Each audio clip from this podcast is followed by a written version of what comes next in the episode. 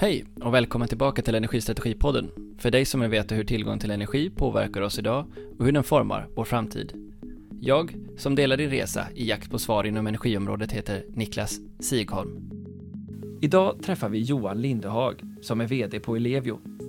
Och det är med sina nära miljonen kunder och 500 medarbetare ett elnätsföretag som har sin utsträckning från Halland till Stockholm och upp till Hälsingland. Det äger runt 72 000 kilometer lokalnät och 6 600 kilometer regionnät. Samtidigt fortsätter det att förvärva med en ambition att växa. Ägarna består av två AP-fonder, Folksam och Omers Infrastructure, som köpte verksamheten från Fortum. Hur ser marknaden ut för ett elnätsföretag och vad driver marknadskrafterna för prioriteringar? Kul att ha er med. Då så, varmt välkommen till eh, Energistrategipodden Johan Lindhag. Tackar så mycket. Eh, du är VD för Ellevio, ett av Sveriges största elnätsbolag. Hur eh, hamnade du där? Vad är din historia? Ja, jag har jobbat väldigt, väldigt länge i energibranschen men 2013 så fick jag uppdraget att avyttra den här infrastrukturdivisionen från Fortumkoncernen som sedan 2015 sen blev Ellevio. Så att jag hade till uppdrag egentligen att avyttra det här. Så följde jag med transaktionen. Lika barn lika bäst.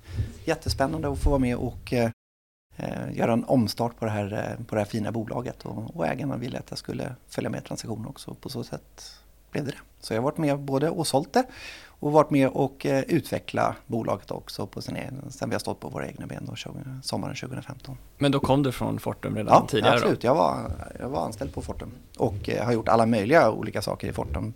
Både nationellt och nästan primärt eh, internationellt i Fortumkoncernen. Vad är Elevios historia annars då? Om vi går tillbaka även innan tiden innan Fortum. Vad är det som bildade det stora bolaget Elevio? Eh, ja, det är ju eh, innan dess så är det ju en eh, summa av, klassiskt kan man nästan säga att det är sammanslagning av Gullspång och, och Stockholm Energi som gick samgående i slutet på, på 90-talet. Och därefter, och både innan och efter dess, en väldigt, väldigt många konsolideringar både som Gullspång hade gjort och även som Stockholm Energi har gjort. Uppköp av Täby, Eh, Ekerö, Lidingö och så vidare. Och så vidare. Jag tror vi har kanske passerat någonstans 40, ja, det 49 olika förvärv på den svenska marknaden som är summan av vad Ellevio är idag. Och nu när vi ändå har dig här och, och, du var mitt i smeten, det här var ju en väldigt medialt uppmärksammad process när eh, Fortum sålde eh, det som sedan blev Ellevio då. Hur var det, först och främst, hur var det att vara med på den resan när en så stor eh, liksom, infrastruktur, den, en av de största infrastruktur, eh, liksom, försäljningarna i Sverige skulle bli av? Ja, det får man ha eh, respekt för. Jag, först och främst kan jag säga att jag känner mig väldigt smickrad att jag fick det, fick det uppdraget till att börja med. Vi visste ju att det här skulle bli en eh, jättestora affär för en också jätte, jätteviktig tillgång det är inte, bara, det är inte så ofta att man sälj, eh, infrastruktur säljs av den här storleken. Och det här berörde ju också vår absolut mest kritiska infrastruktur som är elnätsinfrastrukturen. Som också inkluderade huvudstaden i sig. Så, att, eh, så där hade jag stor eh, tillförsikt och, och respekt för det uppdraget. Och, jag kan säga att det var otroligt spännande och, och lärorik process. Både för, för mig såklart och, och det är den ledningsgruppen också som jag fick äran att handplocka inför den här försäljningsprocessen också. Sen var det ju bara att eh, hyra ett hotell och, eh, och vänta på anbudsgivarna från hela världen som flög in. Det var ju såklart jättestort intresse för det. Vad var de främsta lärdomarna av processen skulle du säga? Ja, eh, största lärdomen och försäljningsprocessen i sig eh, var ju väldigt spännande på många sätt. Men det var väl nog förberedelseprocessen eh, fram tills vi, vi kom ut med ett, eh, kom ut och, och eh, eftersökte egentligen anbud på, på, på det här bolaget att eh, genomlysa verksamheten och dokumentera hel, hela verksamheten och se vilka förbättringar av verksamheten som, som vi eh, ska göra nu och också som vi ska lägga, lägga in i vårt eh, infomemorandum om vad vi både har gjort och vad vi kommer att eh, göra. Så att eh, under den dokumentationsprocessen, det blev ju enormt eh, stort datarum som fylldes med dokumentation kring, kring Ellevio. Så att, eh, jag ska säga, genom att man säljs så blir man nog aldrig i bättre skick ändå. Det är som när man flyttar ett hus. Lite grann som när du ska sälja ditt eget hus. Så när du står där och har gjort i ordning då, målat och klippt gräsmattan och fixat med busken och allting så är det nästan så fint så man tittar varandra i ögonen och säger herregud, ska vi verkligen sälja det här? Lite så var det. Och påminn oss, eh, vilka var det som köpte till slut? Eh, det blev eh, 50 svenska pensionsfonder och 50% kanadensiska pensionsfonder. Så den svenska delen är första AP-fonden, tredje AP-fonden och eh, Folksam tillsammans med KPA Pension som är den största ägaren också i KPA Pension och Folksam. Så du menar att på sätt och vis är jag din chef? Ja, det kan man väl säga eh, eftersom eh, vi alla har för, för avsikt att bli eh, gamla i det här landet. Så att en investering i Ellevio är ju helt enkelt statens sätt att ge direktiv till pensionsfonden att investera i någonting som är långsiktigt som kan ge skälig avkastning så att vi har råd att bli pensionärer i det här landet. Och det är exakt motsvarighet till till eh, kanadensiska OMERS som eh, säkerställer all pensionsutbetalning till alla kommunalanställda i Ontario-provinsen i, eh, i Kanada. Så att det är en av världens största pensionsfonder. Okej, så vi lämnar försäljningen nu och går in på dagens situation och läget för, för Ellevio.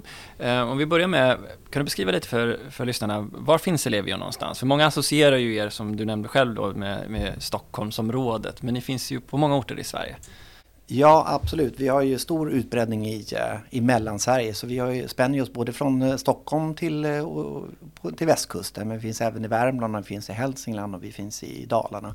Och vi har ett extremt omfattande lokalnät som är vad är det nu, 78 000 kilometer elledning, elledning så det är ett, ett extremt omfattande nät. Men vi har också ett väldigt stort regionnät. Så att eh, primärt eh, väldigt hög koncentration kring, eh, kring Mellansverige då. Eh, och även städer med eh, hög tillväxt och, och där såklart också Stockholm då, där vi har högst BNP och tillväxt.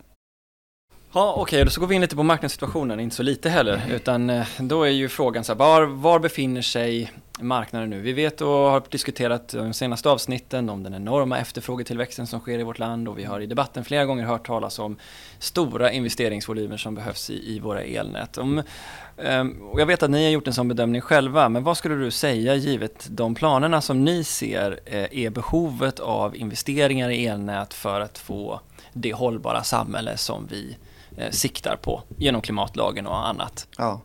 Vi, vi, har inte helt kommit ut ur garderoben med de senaste uppdaterade siffrorna. Det vi tidigare har släppt tillsammans med energiföretagen Sverige, det var ju de 190 terawattimmarna. Vi ligger ju på eh, roughly sådär 140 terawattimmar, så 50 upp.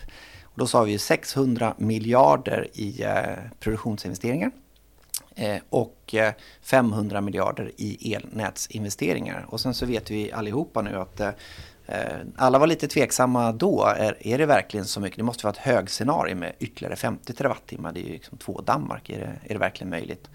Innan dammet hann lägga sig på den frågan så, så kom ju många stora industrier ut och eh, räckte upp handen och säga att nu ska vi också trycka ut de fossila bränslena. Så de nya kalkylerna är ju snarare 300-310 terawattimmar. Alltså en dubblering av energiförbrukningen i, eh, i Sverige. Så att vi inte är helt klara med de beräkningarna men det är nog eh, med andra ord eh, betydligt högre än de 600 miljarder för produktion och de 500 miljarderna för, för elnät. Och vi är ju 20 procent av marknaden så att lätt så är vi 20 procent av, av de här. Då. Så att minst 100 miljarder ska ju nog eh, Ellevio eh, investera då, i ett, i ett låg, kanske ett lågscenario till och med. Så att enormt mycket investeringar som måste till då för att elektrifiera transportsektorn och industrin. De här investeringarna som ni ska göra, det är ju naturligtvis alltid som elnät, det är långa investeringar med livstider över flera tiotals år. I vilken mån, jag väljer att ställa frågan så här, men i vilken mån lyckas vi i Sverige nu skapa ett tryggt investerarklimat för en person som dig som ska göra så otroligt tunga infrastrukturinvesteringar i vårt land då potentiellt eh, för att eh, ja, göra dig trygg att de investeringarna också kommer. Vad, vad tänker du när jag ställer en sån fråga? Ja, jag tänker som att eh, vi är bättre skick nu än vad vi var för några år sedan. För då, eh, enda fördelen med att kapacitetsbrist eh, uppstår det är väl möjligtvis att man, man sätter en självklarhet på, på raden. Folk går inte runt och tänker att det kommer komma en faktura att det kostar pengar så att man andas luft. Och det är likadant eh, kanske med elnätsinfrastruktur som byggdes ut jättemycket på 60 och 70-talet. Då. då tog man sunda beslut så att det har hållit väldigt länge. Men nu så behöver det bytas ut både på grund av ålder och på grund av eh, kapacitet. Så att det kapacitetsutmaningarna som börjar komma smygande i vissa olika delar av landet har ju satt frågan på att det kanske inte är så självklart att det här kan ligga i, i backen eller hänga i stolparna för all framtid utan att man behöver göra någonting. Självklart för oss som jobbar i branschen men kanske inte självklart för samhället i, i, eh, i stort och inte politiken heller. Det har inte behövt vara i fokus heller. Så man behöver inte ropa att man vill vara i fokus i decennier när det inte är så. Nu är det ju absolut högsäsong, nästa våg av elektrifiering som skedde på 60-70-talet sist. Nu ska ju i princip all infrastruktur bytas ut. Och det är, inget, eh, det är något jättepositivt för den hade behövt bytas ut ändå på grund av ålder. Och nu, hade den ju, nu behöver den bytas ut på grund av kapacitet. Så tajmingen egentligen har aldrig varit, eh, varit bättre. Men det jag försöker säga är att eh, frågan har ju aktualiserats med kapacitet så att man, förståelsen i samhället har ju börjat, har ju bara ökat. eh, någonting behöver göras och det kommer att behöva eh, investeras för att eh, se till att eh, trycka bort eh, kapacitetsbristerna och, eh, och också bereda mark för att eh, industrin och transportsektorn ska kunna elektrifiera sig. Så att vi är inte helt där än, för kollar man i historiskt perspektiv så har vi en elrättsreglering sen avregleringen 96 som sätter en inkomstram på var fjärde år. Men eh, det var nog ett missförstånd. Den behöver inte ändras var fjärde år. Det var ju aldrig tanken. Men resultatet blev att den har ju i princip helt och hållet ändrats var fjärde år. Så tillbaka till din fråga, i skrivande stund så är vi på god väg i förståelse, men vi har inte helt landat i eh, att vi har en eh, trygg och långsiktig och stabil reglering. Utan gör vi en 50-årig investering så har vi ju historiskt fått räkna med att förutsättningarna för samma investering har ju ändrats minst tio gånger. Okej, okay. men om jag tolkar dig så här då, att eh, det är enbart genom att vi får exempel som ett ICA i Täby som inte kan ansluta sig på grund av effektbrist, som det leder till politiska slutsatser som möjliggör för tillräckligt många partier att tycka att överrullningen, alltså de pengar som följde med från en tidigare reglerad period, kan flyttas över för att möjliggöra investeringar som ni menar är alldeles nödvändiga för att bibehålla tillgänglighet i näten. Förstår jag det rätt då? Jag kan säga, det, det kanske politikerna får svara på i en, i en, annan podd om det var det som var deras eh, retorik och resonemang. Men det är väl självklart att det är alltid enklare att eh, attrahera kapital och investeringar till järnvägen när man ser att inga tåg kommer. Det vi håller på och stenhårt att lobba med i många, många, många år, som jag känner att nu, nu börjar det verkligen, verkligen ta fäste. Det är ju att vi vill eh, ropa på ett problem innan man har sett det. Så att vi inte får konsekvensen av de försenade tågen fast i elnäten istället. Så att vi investerar bort en risk, inte att vi försöker investera bort ett, ett absolut faktum. För det är så långa ledtider på att, också, på att investera och få tillstånd. Vi är inte helt där ännu, men ska säga, samhällsdebatten och, och diskussionen kring det här finns ju med politiken och näringslivet nu och industrierna. Alla plockar ju upp de här frågorna. Så att kapacitetsfrågor och, och behovet av infrastruktur, primärt kanske att den nya produktionen byggs ju oftast där ingen bor. Men konsumtionen ska ske någon annanstans. Vad är det som kopplar ihop att vi ska kunna få helt CO2-fri produktion eller havs eller, eller landbaserad vind i Stockholm? Det är ju elnäten som ska, som ska ta det därifrån. Det är inte, det är inte trådlöst ännu. Hur, eh, det som pågår nu är ju då en fråga eh, som sker i något som kallas för elnätsdialogen och sen så finns elektrifieringskommissionen. Av det som sker nu, hur, eh, hur trygg är du dels att, eh, att ni får en elnätsreglering som stimulerar till rätt typer av investeringar, men också, antar jag, rätt typ av avkastningsnivåer? Och som en följdfråga på det, vad, vad är ni ute efter? Vad hoppas du på? Ja, som sagt, vi har ju börjat den här dialogen, både elnätsdialogen och eh, elektrifieringskommissionen som har till syfte eller elektrifieringsstrategi som har till syfte att identifiera vilka hinder vi har för att kunna klara nettonollutsläpp 2045. Det har alla redan konstaterat. Det är elektrifiering av transportsektorn och industrin som står för två tredjedelar av att trycka ut allt fossila bränslen. Så att den har ju redan kommit till sin första draft om man nu säger så med eh, de 12 områdena. 12 områden av, där en strategi måste tas fram. Och rapporten ska ju komma innan eh, året, slutet på det här året. Men scopet, vad man siktar på de här 12 områdena, de är ju redan identifierade. Fem av de här handlar ju om elnät. Och då ska vi kanske ta det i parallell mot eh, energiöverenskommelsen som inte hade nät med alls. Så det här blir nästan en nätöverenskommelse, inte en energiöverenskommelse. För att man förstår att det är eh, näten som man behöver reglera och skapa förutsättningen för. Marknadskrafterna tar ju hand om väldigt mycket nu. Tycker jag, både om landbaserad och havsbaserad vind, så är det ju enormt tryck på beställningar. Så det är inte att det är lågsäsong på det. Så att produktionssidan rullar ju framåt. Så vi måste nu fokusera på att skapa förutsättningar för, för svensk eh, reglerad infrastruktur. Då. Det låter ju väldigt positivt för vi är ju många som står vid sidan om er och myndigheter och tittar på och undrar när ni ska börja komma överens. Givet att det har pågått domstolsförhandlingar ganska länge vad gäller ersättning, ersättningsnivåer och, och tolkningar av eh, hur eh, direktiven ser ut. Är vi, är vi på väg mot det tror du? Eh, ja, jag är man måste ju vara mm, optimist. Va? Så, och det, jag är inbiten optimist. Så att eh, ja, jag tycker att absolut att vi är på rätt väg. På, på många, och grund och botten så är det att vi för, det måste finnas ett problem att lösa. Om man nu ska prata om avkastningsnivåer för, för svensk infrastruktur så måste det ju finnas ett behov av att investera. Varför ska man ändå, varför ska man annars prata om att man måste få till och attrahera mer kapital till någonting som inte behövs? Så att vi har kommit, det har kommit långt den typen av debatt och det är därför det här också initiativet har, har startat. Man har identifierat att det här är ett hinder. Så det är ju en stor seger för oss alla, bara, bara det ska jag säga. Sen så är ni inne på domstolsprocesserna och det berör egentligen den här perioden. Som egentligen, där vi redan är mitt i den här regleringsperioden som slutar, eh, slutar 23. Som nu har avkunnats i eh, första instans i domstol och Energimarknadsinspektionen har överklagat det. Och den 27 oktober så ska de få besked om de får prövningstillstånd i, eh, i huvud taget. Men det som vi har diskuterat med politiken om är ju inte där vi står nu. Eh, utan snarare regleringsförutsättningarna och långsiktig stabil reglering från nästa regleringsperiod som börjar från 24 och förhoppningsvis många, många eh, regleringsperioder framåt. Så det är det vi tar sikte på nu. Mm. Ehm, men det är ju många som har undrat så här, vad, är, vad är rimliga nivåer då för elnäten? Det fanns ju en politisk kritik om om att ersättningen och vinsterna för elnäten var för höga och att eh, man tog spjärn mot det, den liksom, allmänna opinionen för att eh, ja, kritisera eh, ett, en monopolställning. Mm. Hur, hur ska man se på det ur, ur ditt perspektiv? Ja, alltså dom, man kan, ett utgångspunkt är ju så här att domstolarna har ju avverkat samma fråga alltså, hur många gånger som helst och kommer i grund och botten fram till samma sak. I ellagen så står det att man ska få eh, det ska vara god leveranskvalitet, skäliga kostnader och det ska vara också skälig avkastning på sån här typ av, eh, av tillgångar. Och det har ju prövats i domstol hur många gånger som helst.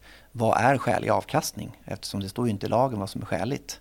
Utan det har ju domstolar fastställt vad som är skälighet. Så har de helt enkelt fastställt vad är att betrakta som skäligt. Och det har de ju sagt i den här domstolen också att eh, ja, vi behöver inte fatta ett nytt beslut på det här. Vi har ju redan fattat beslut om det här så det ska vara likadant så som vi har sagt alla andra tidigare perioder. Mm. Punkt slut. Då går vi över till att tänka så här, vad, ni, vill ju, ni har ju väldigt höga ambitioner för att vara med och driva mot ett hållbart samhälle. Berätta, vad är beståndsdelarna i er vision framåt och vilken kraft ni kan vara för omställningen av, av det svenska samhället? Väldigt många olika perspektiv men, men eh, vi har ju helt signat upp för att eh, eh kämpa för allt vi kan att nå nettonollutsläpp 2045. Och då eh, hjälpa primärt städa genom egen bakdörr såklart, allt internt. Att, eh, eh, vad vi kan göra med vår, eh, vår egna produktionsled om man nu säger så med tillverkning av material, transporter och trycka ut fossila bränslen i vår egen verksamhet som man brukar säga footprint. Men sen är det ju handprint, säga hur kan vi hjälpa samhället och våra kunder att elektrifiera sig och trycka ut de fossila bränslena. Och där känner vi att vi har en jätte, jätteroll att eh, både se till att kapacitet finns där, infrastruktur finns där, men också andra lösningar, flexlösningar, batteri, lagring, allt vad som behövs för att hjälpa våra eh, hushållskunder, men också hjälpa våra industrikunder att trycka bort de fossila bränslena. Så att elen måste dit där den eh, behövs vid eh, helt rätt tidpunkt. Och då är ju elnätet vårt hjärta. Men vi kommer inte bara att begränsa, inte så bara, men begränsa oss till det. Utan snarare i diskussion med kunderna vad, vad som behövs för att de ska kunna lyckas med sin elektrifiering. Och det är det vi egentligen har bestämt oss för att vi ska signa upp för. Så att det pågår ju massor med sådana diskussioner som blir förgreningar utanför vår normala traditionella verksamhet om man säger så. Ja, en av de här sakerna för att lösa då, vi tar Stockholm som exempel eftersom det är ett så stort område hos er, ehm, var den situationen som inträffade då Stockholms, det konstaterades att Stockholms effekttillgång var alldeles för nära gränsen för vad efterfrågan eh, begärde. Och ni lyckades då tillsammans med Stockholm Exergi och med Svenska kraftnät hitta ett sätt att eh, lösa den effektfrågan. Kan du, kan du ta oss tillbaka och beskriva, för det är säkert ett exempel som många städer kommer att gå igenom. Hur, hur inträffade problemet och hur lyckades ni hitta en, en lösning och vad landade ni i? Man kan säga så här att eh, det enkla är att vi, vi köper eh, effekt från Svenska kraftnät för att leverera till, till våra kunder i, i Stockholm. Så att det är sammankopplat, stamnätet är kopplat till vårt regionnät och regionet ute på lokalnät. Och då har vi ju eget lokalnät och vi har även andra kommuner som, eh, som vi levererar till i Storstockholmsregionen. Det fanns helt enkelt inte tillräckligt eh, med effekt kvar hos Svenska kraftnät. De håller ju på att bygga ut eh, enormt mycket.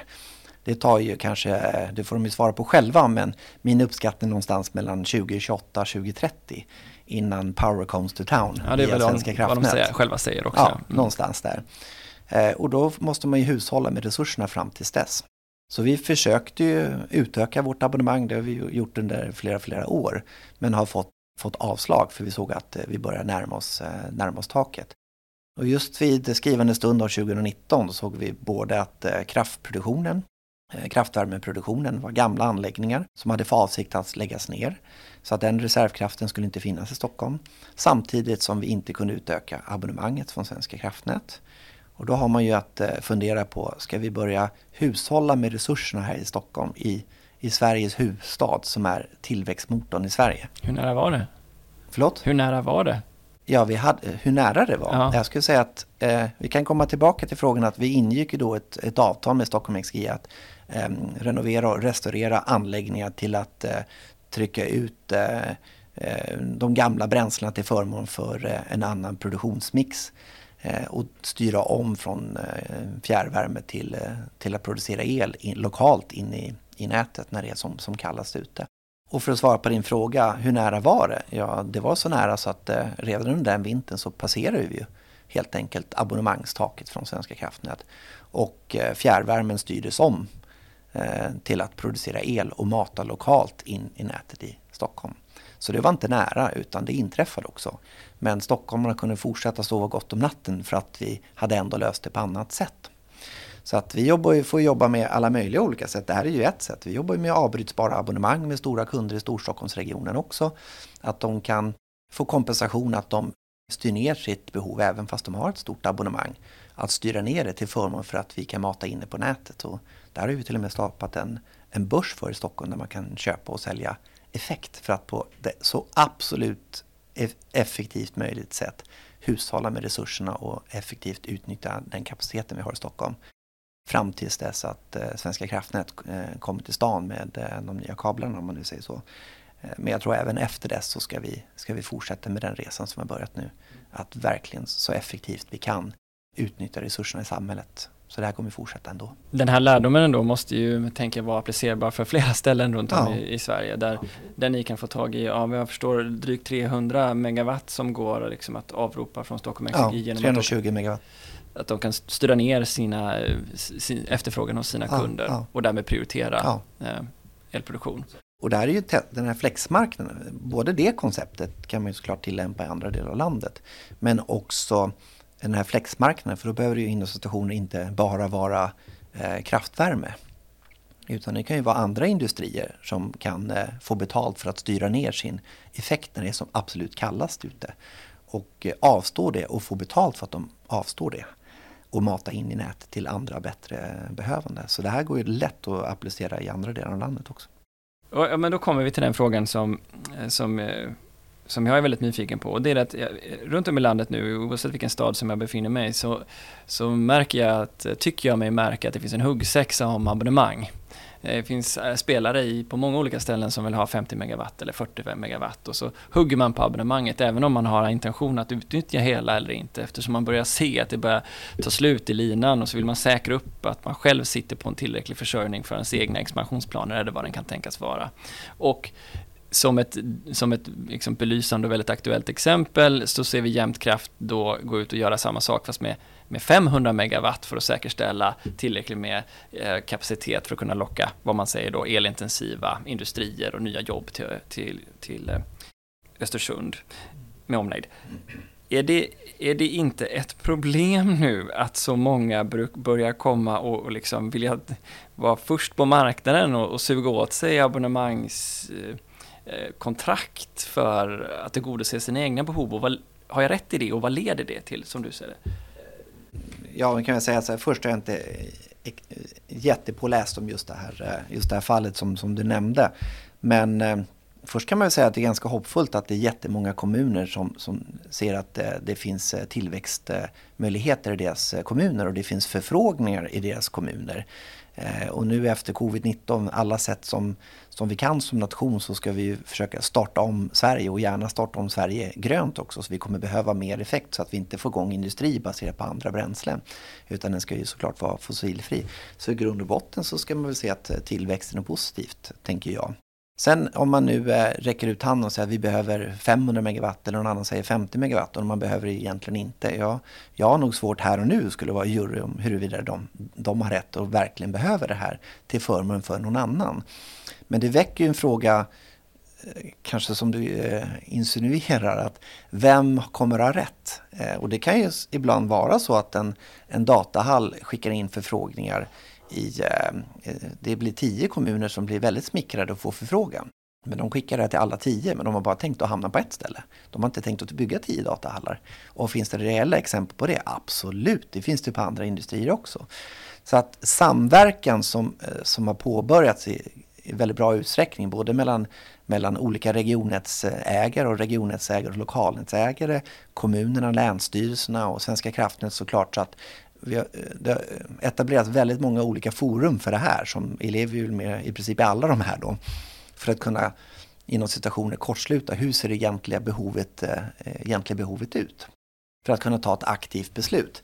För man kan inte heller bara säga att alla har fel och den kommer inte hamna någonstans och sen så får ingen effekten. Då har man ju också bestämt sig att det är sant. För att om alla köper tågbiljetter till Göteborg men man skulle inte bygga någon räls, ja, då blir det inga som kommer komma till Göteborg. Så att det här är ju en väldigt eh, knivig fråga egentligen. Hur, eh, vad kommer först? Är det att ett reellt behov måste komma först? Att här ska vi bygga en datahall och sen beställer man effekten. Och då kan det ju kanske vara så att finns det inte effekt där, det kan ju ta upp till 15 år innan den kommer dit och det är ingen som kommer vänta i 15 år. Utan då bygger man någon annanstans. Om man bettar på att någon kund som förfrågar har fel, då kommer, ju, då kommer nätbolaget ha rätt. För det kommer inte bli någon etablering där, för de kommer inte ha någon effekt. Så att eh, jag skulle vilja säga att i grund och botten så tänker jag att, eh, som jag nämnde tidigare, att eh, vår devis är snarare att gå ifrån att vi ska ifrågasätta det, snarare till att vi ska, vi, eh, samhället och kunderna ska inte finnas till för oss, utan vi finns ju till för samhället och våra kunder. Så det är därför vi också i mycket större utsträckning närmar oss samhällsaktörerna och kunderna i den här typen av diskussion för att hjälpa dem på traven att kunna möjliggöra. Eh, och tror den här kommunen och även någon annan kommun att de kommer bli framgångsrika då ska vi ju se till att, eh, att så blir fallet också. Då, då känner inte jag att jag vill leka Gud och säga att båda har fel. Men, eh, säg det, jag. Säg, ja, jag förstår hur du resonerar. Men säg det hypotetiska fallet att alla resonerar så att man är till för kunderna. Man kan inte utgå från att de har fel, för då får man som elnätsbolag rätt, så att säga. Mm. Det leder ju ändå till någon form av fångarnas dilemma här, att alla vill suga åt sig så mycket som det går, riskerar att eh, liksom, eh, också låsa upp effekt på fel plats. Såklart, och vi kan konstatera det. Men vad händer då, igen då i det fiktiva fallet, för att inte behöva tvinga ur det exakta exempel här, men säg att det kommer en, en, en kund som vill ha 50 megawatt, och så har ni inte det tillgängligt, och så har ni erfarenheterna från Stockholm Flex. Vad leder det till för typ av mindset hos er? Ja, då, då, tänker jag att i, i, första hand så ska vi fundera på hur eh, finns det effekt? Har vi effekt? När kan vi ha effekt? I grund och botten så att vi får, kan få dit eh, kanske helt fossilfri eh, eh, från vindsnurror i, i, eh, i Hälsingland till att kunna konsumeras på västkusten. Hela nätet är ju trots allt sammanbyggt. Då. Så att då får man ju titta på det och när, hur lång tid kan det ta att få effekten eller kan vi få det direkt? I annat fall så får man ju fundera på, på alternativ.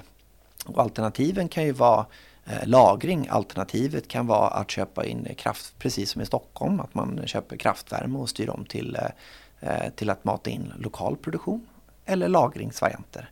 För att det här med att det är trångt i näten, det är ju inte 365 dagar om året alla tider på, på dygnet. Utan det är ju enskilda timmar och det är i princip nästan alltid kopplat till, till vinterhalvåret. Eh, är det en glassfabrik som ska öppnas så kan de nog förmodligen öppna den. För de kommer ha sin peak när det är sommar och då finns inte problemet alls. Så, att, så det är också nästan vilken eh, nature of the business är nästan den första frågan. Hur ser säsongsbehovet ut och hur ser dygnsbehovet ut? Och här har vi ju, eh, eh, ska inte gå in på specifika kundexempel, men där vi ändå har Eh, titta på lagringsalternativ. Vi har eh, också eh, kunnat ge dem avbrytbara abonnemang, det vill säga att man, ni får 50 men ni får inte den här delen av året eller exakt de här timmarna på dygnet eller när det blir kallare än så här. Kan ni leva med det för att vi ska ännu mycket snabbare ska kunna komma igång och bygga den här fabriken? Så det är ju också ett, ett sätt. Och, och, det är inte säkert att det blir ett problem för verksamheten i sig kanske inte behöver göra knut på sig för att kunna anpassa sig efter det. För att så snabbt som möjligt kunna komma ut. Och det är inte att de ska anpassa efter, efter oss utan det är för att vi ska så snabbt som möjligt kunna ändå tillhandahålla det här till dem. Och sen så kan vi säga, nej men nu har vi fått eh, kunna byggt ut nätet, vi har fått alla tillstånd. Så nu behöver ni inte ens fundera på den här säsongsfrågan. Sen kanske de väljer att fortsätta med det ändå. Mm. Så sådana här eh, exempel eh, med så mycket kunder som vi har, närmare en miljon, så har, så har nog några sådana här diskussioner startat medan vi har haft den här podden. Och så, så den ena delen är då naturligtvis att titta på eh, förbrukningsprofilen och se hur de passar in i, i mixen i det lokala eh, området. Eh, det andra är att jobba med avtal för, för också få fram den flexibiliteten. Hur ser det ut på mm, tariffsidan eller eh, liksom hur man tar betalt? Ser du en förändring hos er internt också eller vad tror du det är på väg för att stimulera eller skapa rätt incitament för att få plats med fler? Ja, det är ett eh, vi kommer att se över tariff, eh, det gör vi ju hela tiden konstant. Eh, men det är oftast så blir det kanske mera långsiktig planering. Det blir svårt att en enskild tariff tror jag ska hjälpa dig från en dag till en annan och att man bettar på att eh, prissignalerna är så starka så att eh, det kommer bli överbelastning i Stockholm imorgon bitti och det kommer bli svart. Men det är lugnt, pris, det, det är, priset är så högt nu så att nu kommer folk välja att inte Eh, jag menar, nu var det 163 öre eh, rörliga elpriset på börsen nu. Så det är svårt för oss att räkna med att ja, men då kommer folk välja att eh, inte eh, laga mat eller tända lamporna. Och om de gör det, då blir det överbelastning i nätet. Så det korta perspektivet så är ju eh, som vi använder med den här flexmarknaden, då köper vi i så fall upp eh, effekt för att säkerställa att vi har en garanterad eh, leverans och inte, och inte våga exakt lita på de här prissignalerna. Jag tror att vi kommer mogna och våga lita på det kanske i större utsträckning än vi har sett bevis på att det funkar också. Men prissignaler i all ära, men det är mer också för långsiktigt kanske styra ner eh, pikarna, få bort pikarna i systemet och återigen, vi kan livstidsförlänga den infrastruktur som redan är byggt också, kanske under tiden tills tillståndet tillstånd är, är, är, på plats. Då. Så att det är mer för långsiktig investeringsplanering än från en dag till en annan eh, prissignaler. Där, där, där kan det ju snarare då vara som i, i Stockholm där vi eh, tecknar avtal med flera kunder att vi får avbryta deras abonnemang i en ren kommersiell uppgörelse.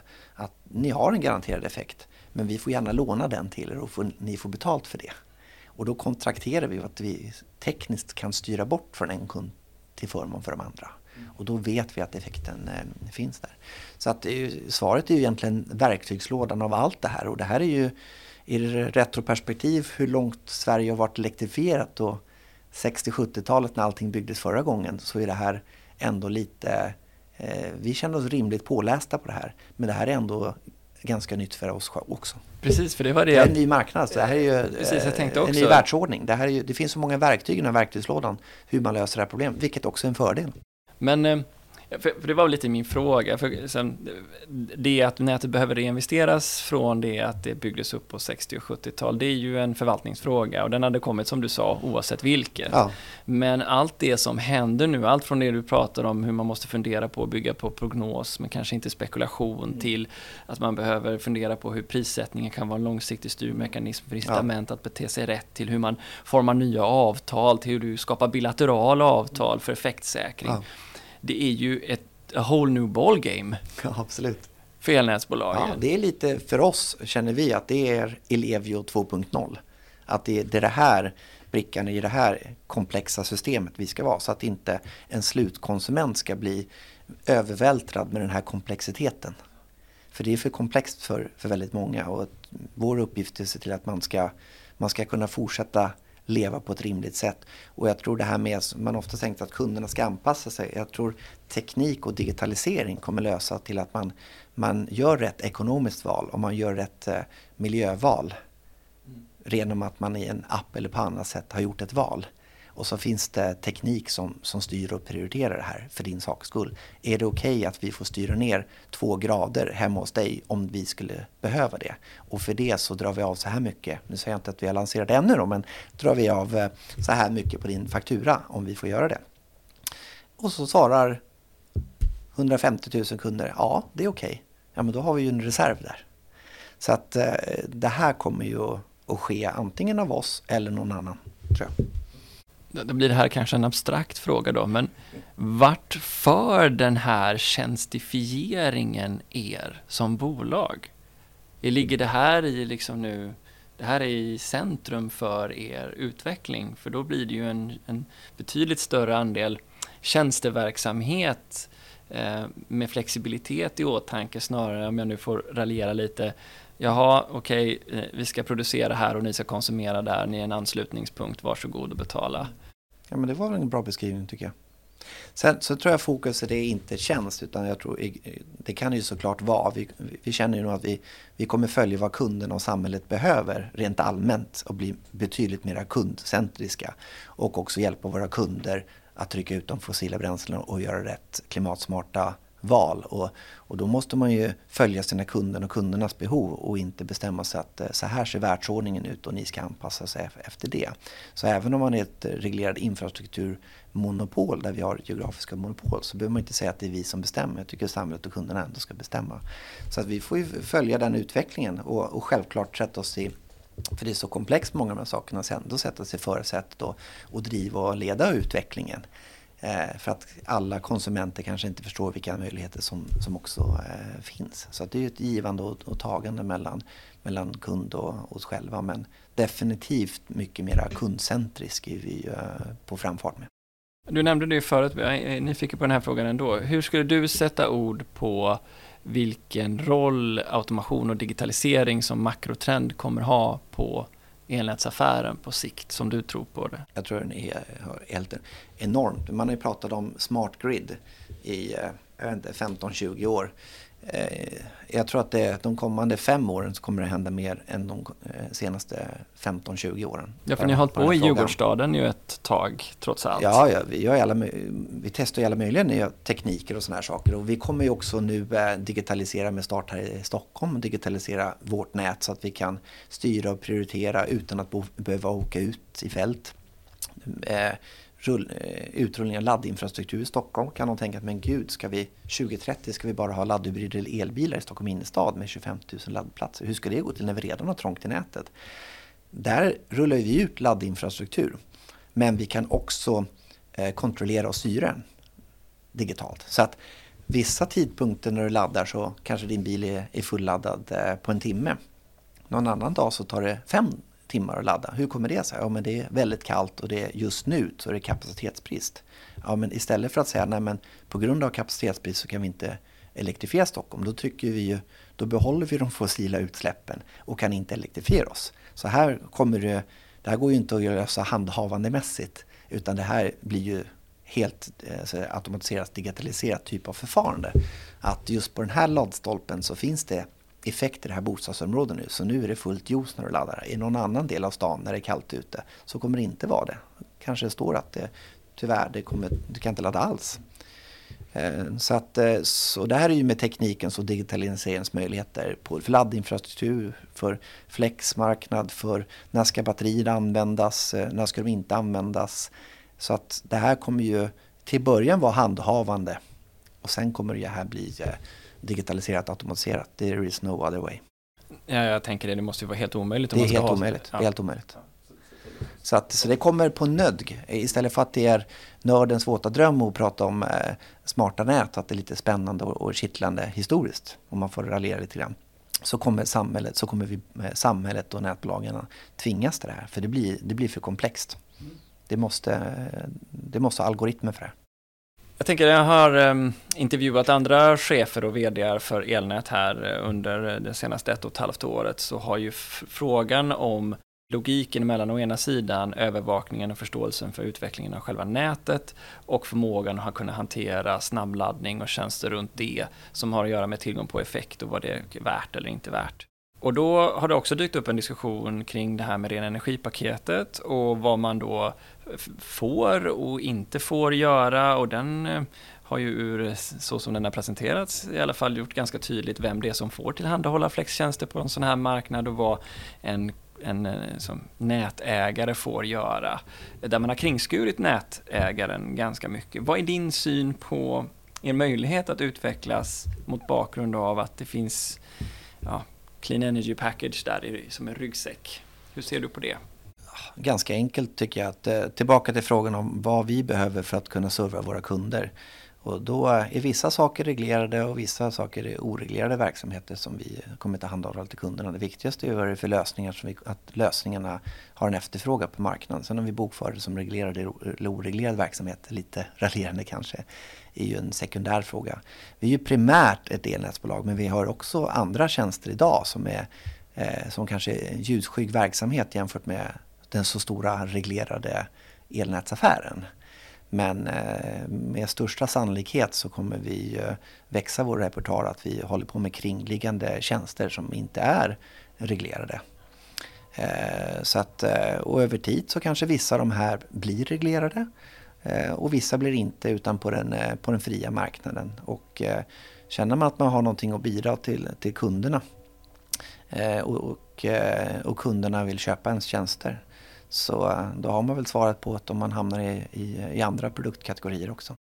Jag var ändå tvungen att gå tillbaka till min intervju med Energimarknadsinspektionen eh, och, och dubbelkolla eh, hur, hur går det rent praktiskt till? Måste man ha fler bolag då och så har man bolag vid sidan om som sköter kringliggande tjänsterna som rör flexibilitet för att lösa kundernas behov och så har man det som är konsumtionspliktigt någon annanstans? Eller? Det, det finns ju både, i, i, Sverige, man kan väl säga så här, tar man Finland som exempel så är, så är eh, eh nätbolagen reglerade. I Sverige så är konsumtionerna reglerade. Och vi har ju massor med koncessioner, så nätkoncessioner för Stockholmsområdet, nätkoncessioner på västkusten. Så vi har ju reglerade nät som är sitt som Ellevio AB äger. Så vi kan också som bolag bedriva annan verksamhet men vi får inte bedriva eh, konkurrerande, vi får inte ha produktionsverksamhet vi får in, i samma.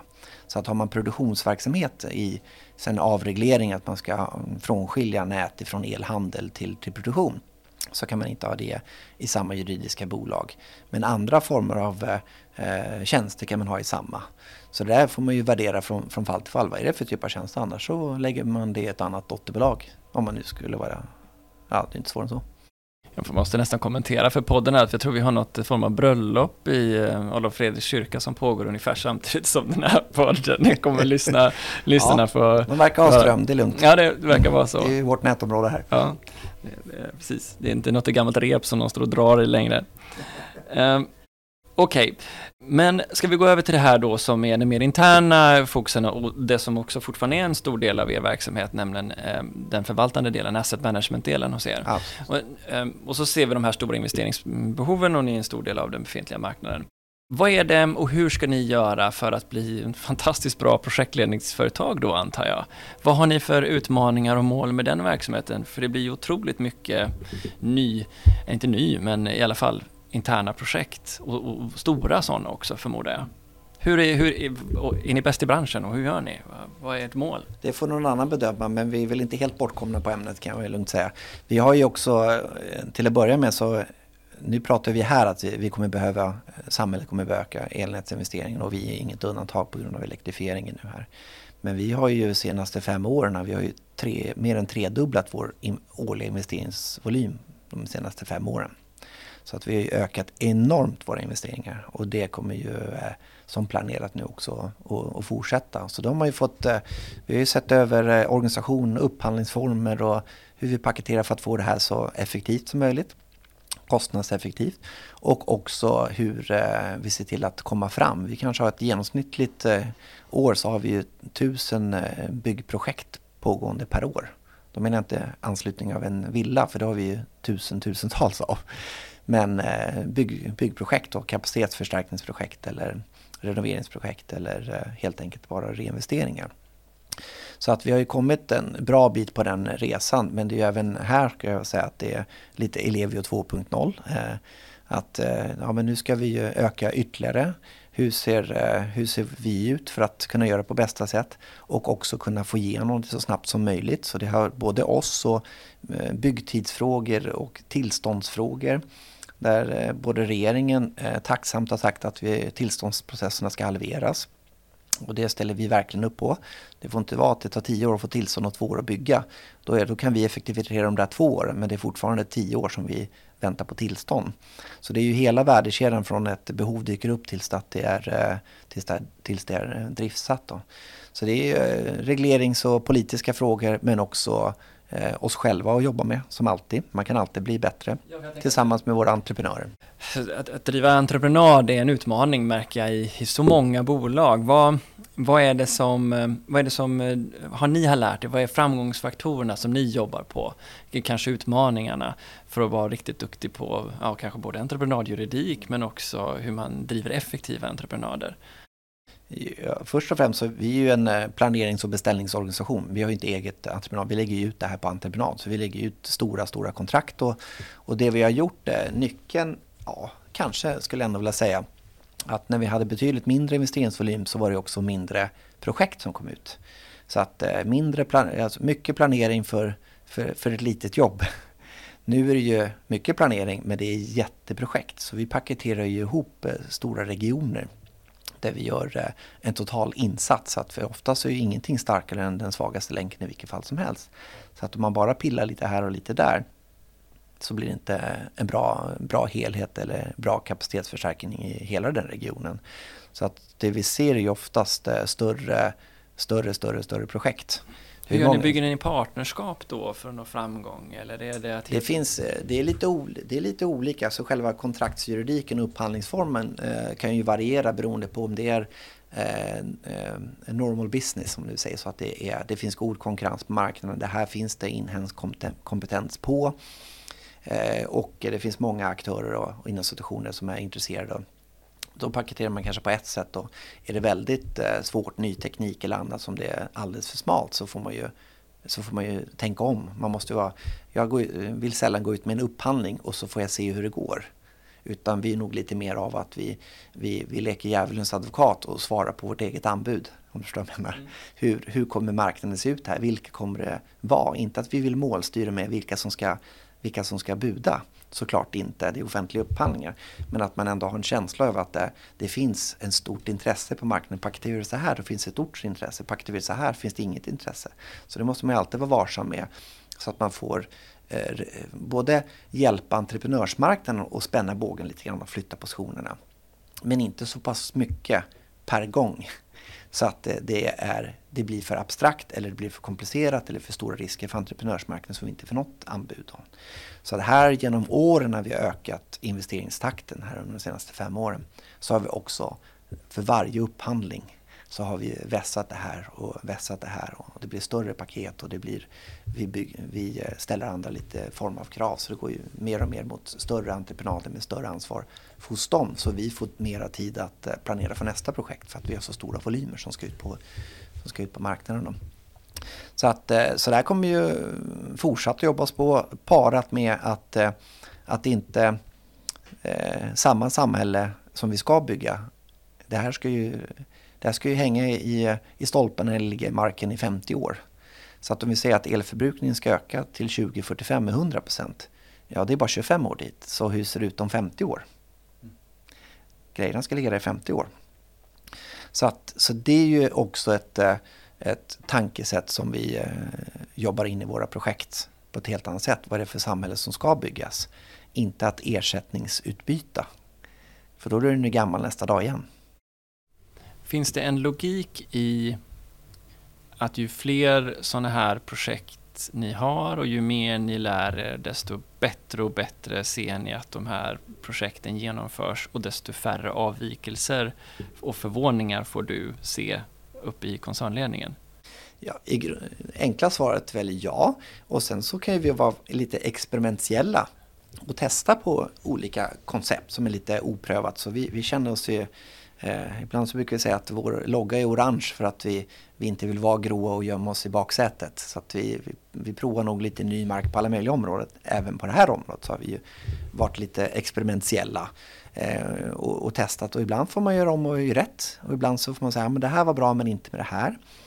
Och då ändrar vi och den här diskussionen har vi ju med, med entreprenörerna och, eh, och marknaden. Både efter vunnet kontrakt och de som vann och de som förlorade eller efter genomfört projekt så, så känner vi av marknaden vad som funkar och inte. Så att eh, ibland får man göra om och göra rätt också, absolut. Men om det enkla svaret på den här frågan är ja, och du tidigare sa att eh, Elevio Ellevio är en sammanslagning tidigare av 49 olika lokala nät. Och man tänker sig att det finns liksom, skalfördelar i det, men definitivt eh, fördelar i att ni driver många olika projekt. Och vi lägger på den bit, pusselbiten av information att du säger att det ska vara mångt mycket fler investeringar givet att Sverige ska elektrifieras. Mm. Hur kommer det sig då, kanske naivt, att jag ställer frågan eh, så här, varför blir det då inte fler, varför konsolideras inte branschen? Ja, det finns ju bara, branschen har ju konsoliderats väldigt, väldigt mycket. Även om vi kanske allihopa tycker, vare sig man är myndighet eller politiker eller jobbar i branschen så tror jag de flesta tycker att över 160 nätbolag i lilla Sverige är ofantligt mycket, vilket det är. Det tror jag ingen tänkte efter avregleringen 1996. Då tänkte man nog att det skulle bli en ännu större konsolidering. Då var vi ju, jag vet inte, 300 kanske. Så det har ju skett konsolidering. Men det skedde ju primärt de första tio åren så var det ett enormt stort eh, konsolidering som, som skedde då. Eh, inklusive då Ellevio och Ellevios föregångare. Sen har det ju rört lite på sig på de senaste åren. Vi har dragit vårt strå till stacken i den mån vi har kunnat. Men eh, det har också, jag tror moderskeppet i frågan är ju kanske att på 60-70-talet så, så byggdes det här nätet. Så det har ju tjänat sitt samhälle och rullat. Men nu, nu ska ju mer eller mindre majoriteten av svensk infrastruktur bytas ut. Och då behövs det enormt mycket kompetens och enormt mycket kapital. Eh, och eh, regleringskraven är tuffare, då menar jag inte bara avkastningskraven utan det finns ju andra jättemycket andra krav som är på väg in från cleaner-package och nätkoder och Energimarknadsinspektionens krav om, om kvalitet till kunderna och, och, nätets utformning. Så att det är svårt då, tror jag, för många kommuner som kanske reflekterar över att eh, alla dessa samhällskrav och, eh, och dessa miljarder som kommunerna måste investera. Vi har ju en outsourcad modell när det gäller eh, tankarbetet på kontoret hos oss. Men sen det fysiska genomförandet använder vi marknaden för att eh, ha flexibiliteten och kunna gasa när det väl eh, behövs. Då. Många av de här kommunerna har ju insourcat fältpersonal så att det blir ibland svårt att, att hinna med och göra det som, som behövs för att man, man har den här verksamheten inhouse. Så att jag vet ju med med säkerhet att det är många, många kommuner som fungerar på den, funderar på den här mixen. Ja, och som dessutom är väldigt störda över att de har underinvesterat under lång tid, vilket har påverkat ja, deras intjäningsförmåga. Och, så är det. Så det är dubbelbestraffning nu menar Så kommun, kommunernas nät generellt sett är ju väldigt eh, gamla och är i stort eh, behov av utbyte utan elektrifiering. Sen har man med elektrifiering och digitalisering så kommer det behövas enormt mycket resurser och enormt mycket, mycket kapital. Och då står man inför vägval, antingen så satsar man på det. Att man ska eh, kanske massrekrytera rent krasst. Eh, och få till kapitalet till alla dessa investeringar. Eh, och kompetens för att kunna digitalisera. Eller så, så funderar man den andra vägen då. Kan vi säkerställa att vi får, skapar arbetstillfälle i kommunen eh, och skälig och rimlig prisutveckling för våra invånare i kommunen. Och vi kan få skäligt betalt för, för näten och investera det i lärartäthet eller andra samhällsnyttiga frågor. Så att sådana här diskussioner pågår ju såklart i jättemånga kommuner. Där ibland så blir svaret eh, den ena och ibland så blir svaret den andra. Jag förstår. Men det är, det är ju, om jag ska lägga lök på laxen här, det är ju inte bara detta, för du har ju också gått igenom hur utvecklingen av Stockholm Flex har lett till en, till en tjänsteutveckling och en strategisk förmåga i att hantera eh, volatiliteten och trycket. Det är, ju, det är ju även det då, antar jag. För eller, eller så får du säga emot mig, för det är väl lika rimligt att tänka sig att en flexmarknad kan tänkas behöva finnas i en mellanstor stad som, säg Enköping i framtiden om de får samma typ av problem som Stockholm, eller eh, i Värmland, eller vad man nu vill ta som exempel. Eller vad ser du framför dig? Ja, tar man kanske Värmland är ett jättebra exempel. Där har vi det omvända. Vi pratar ju ofta om kapacitetsproblem för att det är Stockholm så mycket som är fokus i frågan. Det vill säga att det, det, är, eh, det finns mindre tillgång än efterfrågan. I vissa delar i norra Värmland så är det tvärtom. Det är mycket produktion så det finns mer inmatning än det finns uttag. Så det är kapacitetsbrist i andra riktningen. Det går inte att få, det går inte att få effekten därifrån. Så, att det, så det finns ju kommuner som har det omvända problemet som också egentligen är, det är kapacitetsbrist i överföringen. Så att eh, rent krasst, piporna är inte riktigt tjocka för att föra effekten därifrån heller. Så det, det, finns, det finns båda riktningar. Så att det här är ju inte ett framtida eh, utmaning om man nu säger så. Den finns ju, precis som du säger, i andra delar av landet än i Stockholm idag. Och det, ju, det säger ju också SVKs rapport när de gjort det på sin spänningsnivå. Så inte det här problemet idag finns ju inte bara i Stockholm utan det finns i Stockholm, det finns delvis i västkusten, det finns i Göteborgsregionen, Malmö, Mälardalen och Uppsala.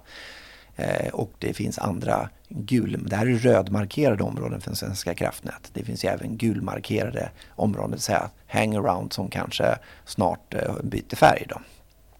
Så, att, eh, så livet är ju komplext. Det är ju komplext för oss som stor aktör med, med mycket duktiga resurser på det här ämnet. Så att, och kanske ännu mer komplicerat för andra skulle jag vilja säga då. Så visst är det så. Men den här flexkompetensen som ni bygger upp genom Stockholm Flex, är den avhängig att ni är nätägare i området också? Eller är det en kompetens ni strängt taget skulle kunna komma med till vilken stad som helst? Ja, i, i grund och botten så är det ju eh, så är det kompetens kring hur marknaden fungerar. Och i grund och botten så hur den svenska marknaden fungerar, den fungerar ju likadant i hela landet. Sen, sen kan behovet se lite olika ut. Så att, så att flexmarknaden kanske inte behövs i alla, i alla geografier. Eh, men absolut kan vara ett ehm, eh, komplement som kan tänkas behöva komma i andra delar.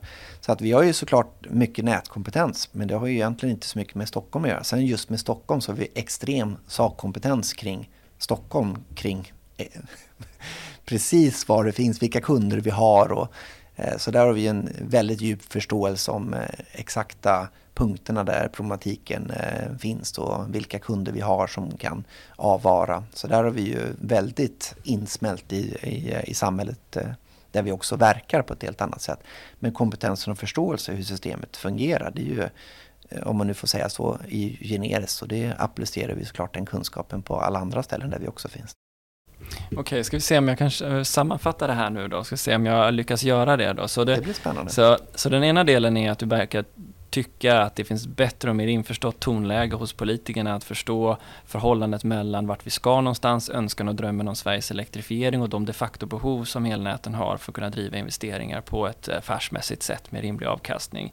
Samtidigt så ser du att det blir mer och mer komplext och du måste vara mer och mer flexibel i hur du hanterar kundernas efterfrågan i det att du behöver styra både då eh, avtalsformerna prissättningsformerna för långsiktiga indikatorer till rena bilaterala avtal som gör att du kan avropa effekt mer flexibelt än vad du annars skulle kunna göra bara under ramen för ett SVK-abonnemang.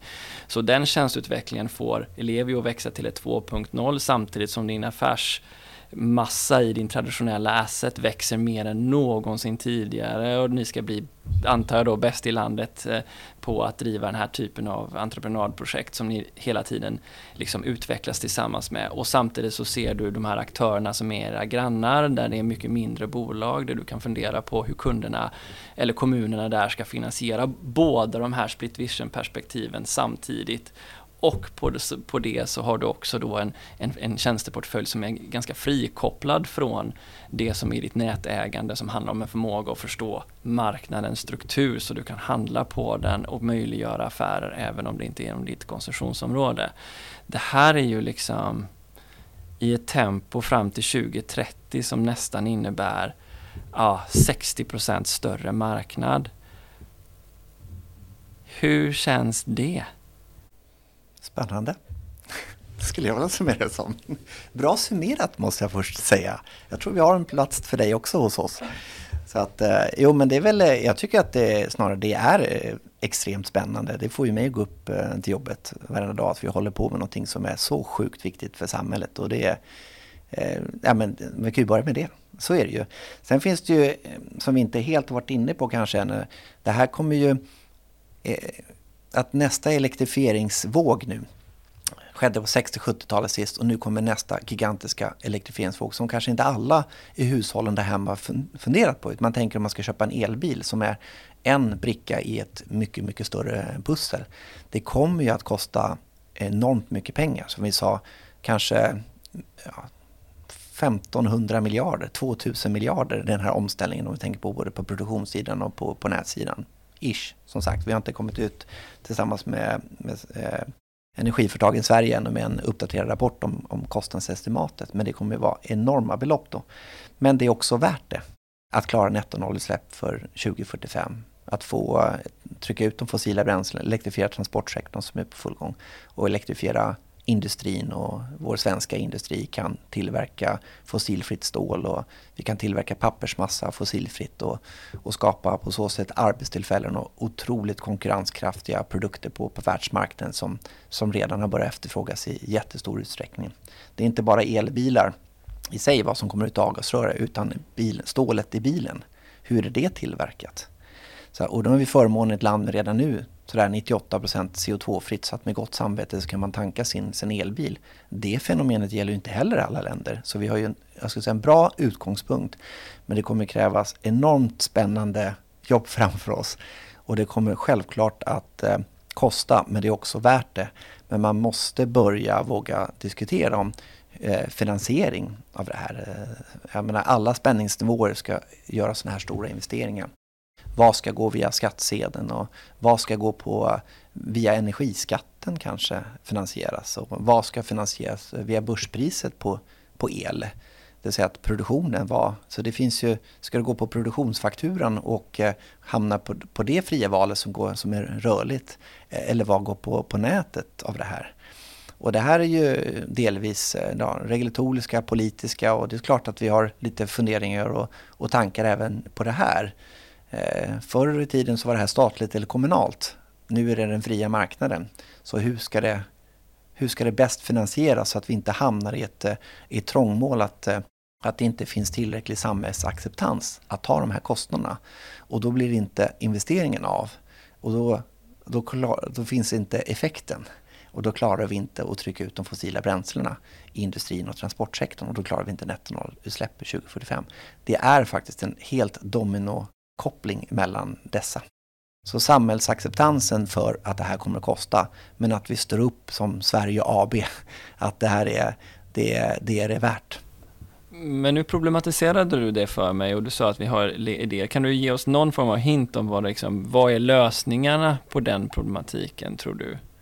För, för det har ju problematiserats även på EU-nivå det här med att utsläppshandelspriset ökar och det kommer kunna leda till energy poverty i delar av Europa och sådär. Vad, vad tror du är nycklar för att uh, överbrygga den säga, risken av att man inte accepterar kostnaden för förändring för att nå ett hållbart samhälle? Ja, våga, våga prata om det i större utsträckning så att man inte eh, pratar om, om investeringar som, och eh, investeringar. Man säger, någon säger 100 miljarder, borde det inte vara 500 miljarder? Varför inte 600 miljarder? Men i slutändan så, så ska det här betalas av, av eh, kunderna och samhället på ett eller annat eh, sätt. Subventionerat, osubventionerat, via skattesedeln eller via sin el, elhandelsräkning. Eller via sina nätavgifter. Och sen börjar det för mig ebba ut vilka alternativ som finns. Så, hur ska, så man måste lite grann våga prata om att det, att det kostar. Men det är också faktiskt värt det. Och hur ska, hur ska det gå till på bästa sätt för att börja diskutera börja diskutera det så att det inte det här blir en eh, problematisering som leder till att investeringarna inte kommer fram. För att det är i slutändan så, så finns det inte samhällsacceptans eller kunder som är, som är villiga att, eh, eh, att finansiera den här omställningen. En fråga som jag tänkte passa vidare till dig, som jag själv ofta får när jag radar upp listan på alla de investeringar som nu vi står inför och det, liksom, vad det leder till, är kommer det verkligen att bli av i det här tempot? Det är en genuin liksom, förundran jag får. Och du som träffar många företagsledare, vad är din känsla? Det har ändrat sig dramatiskt på den här punkten eh, de senaste åren. Det, börjar, jag menar, det här 2045-målet börjar med en politisk eh, viljeyttring med eh, fem år före Paris, eh, Parisavtalet och så sätter man en politisk vilja. Vi är en fantastisk nation. Politiken väldigt brett sätter upp ett mål som har otroligt bred acceptans i, i riksdagen. Och sen så följer industrin och näringslivet med på det. Det är ingen lagstiftning om att företagen ska leva upp till nettonollutsläpp. Utan man har egentligen frivilligt signat upp sig för det. Och vi är inget undantag i det heller. Då. Så, att, så att det började ju med en, en politisk viljeyttring. Självklart för många företag som har varit aktiva på det här. Vi och många andra industrier som har visat, visat framfötterna, absolut. Men nu är det nästan så att eh, industrin har eh, kört om politiken och har ännu ambitiösare mål än vad, än vad politiken har. Helt enkelt för att marknadskrafterna börjar ta över. Att eh, man ser inte bara hållbarhet som en, en kostnadsfråga som man kanske tvingas göra om det blir politiska beslut eller straffavgifter eller whatever it is. Utan det finns ett, eh, en världsmarknad som, som eftersöker fossilfria, eh, fossilfria produkter. Och då går ju korken ur. Och då, då exploderar i princip intresset av att eh, trycka ut fossila bränslen i, eh, i produktion och tillverknings, eh, tillverkningsindustrin. Och det ser vi ju absolut i, i Sverige och det, det är min känsla att det här är på allvar. Och som vi har varit lite grann inne på tidigare, om man inte skulle tro på att det här händer och inte bygga ut infrastruktur och produktionskapacitet för det här så kommer ju vi ha rätt. För då kommer det inte ske. Så att ju, om vi bestämmer oss för att de har fel så kommer de ju ha fel. Så att eh, jag tycker att vi måste bestämma oss för att, att, tro på att det är sant. För att om det inte är sant att det kommer att ske, då kommer de ju inte trycka ut sina fossila bränslen. Och då kommer vi inte klara eh, 2045-målet. Så det hänger ju helt ihop. Så det, de måste ju lyckas med det. Och jag känner ju, det här är våra kunder också, vår huvuduppgift är att se till att de lyckas. Tillbaka till footprint vi ska se till att ha ordning och reda på de här sakerna för egen regi. Men i ännu större utsträckning handprint och hjälpa, hjälpa våra stora fina industrikunder att lyckas med det här. Så att eh, om de har högre ambitionsnivåer än vad de hade förra veckan så håller jag väl med dem den här veckan då. Johan, tack så mycket för att du var med i Energistrategipodden. Tack så mycket. Nästa vecka kommer ni få höra Yvonne Ruwaida från Vattenfall Eldistribution och då kommer vi prata om utvecklingen av lokala flexibilitetsmarknader i Sverige och vad som behövs för att det ska utvecklas. Vi hörs!